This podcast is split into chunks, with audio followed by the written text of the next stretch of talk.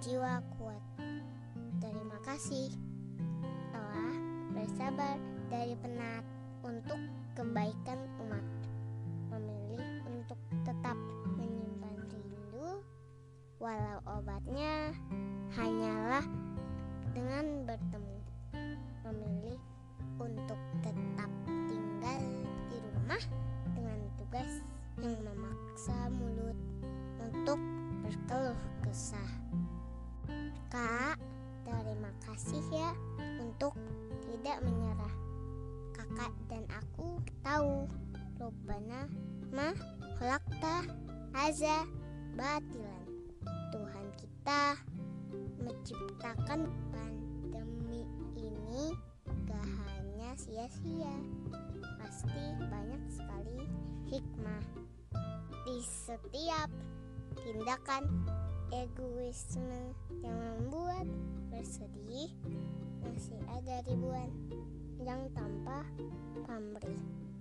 Di setiap ruang yang kosong ada sekarang banyak ruang yang terisi dengan cinta.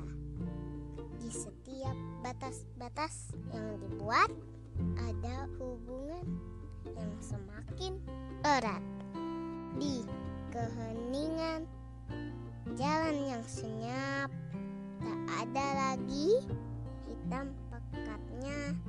Asap di ribuan. Berita ketakutan yang menyiksa. Ada sejuta rasa peduli terhadap sesama. Di setiap jarak yang memisahkan ada cinta dan pengorbanan. Di setiap virus yang bermutasi pasti akan ada vaksinasi dari sikap positif. Karena optimisme lebih cepat menular dari wabah apa pun. Biarlah Ramadan kali ini menjadi saksi betapa merindunya kita untuk beribadah dengan normal dan menggoreskan senyum saudara kita dengan bersilaturahmi.